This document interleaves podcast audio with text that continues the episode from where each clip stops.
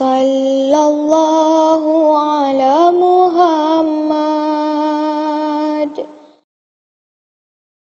Dalam hadis ada disampaikan ciri-ciri orang itu beriman. Salah satunya adalah dalam hadis ini. Idza sarratska hasanatuka wa sa'atska sayi'atuka fa anta mu'min. Fa anta mu'min ketika perbuatan baikmu. Perbuatan baikmu itu bisa membuatmu bahagia. Kemudian perbuatan jelekmu kemaksiatanmu itu bisa membuatmu susah. Maka kamu itu termasuk orang mukmin termasuk orang beriman.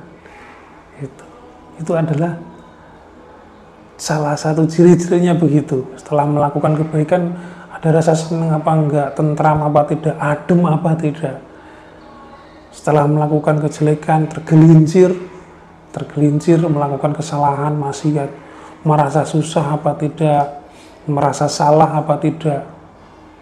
Kalau seperti itu melakukan kebaikan senang adem ayem bahagia.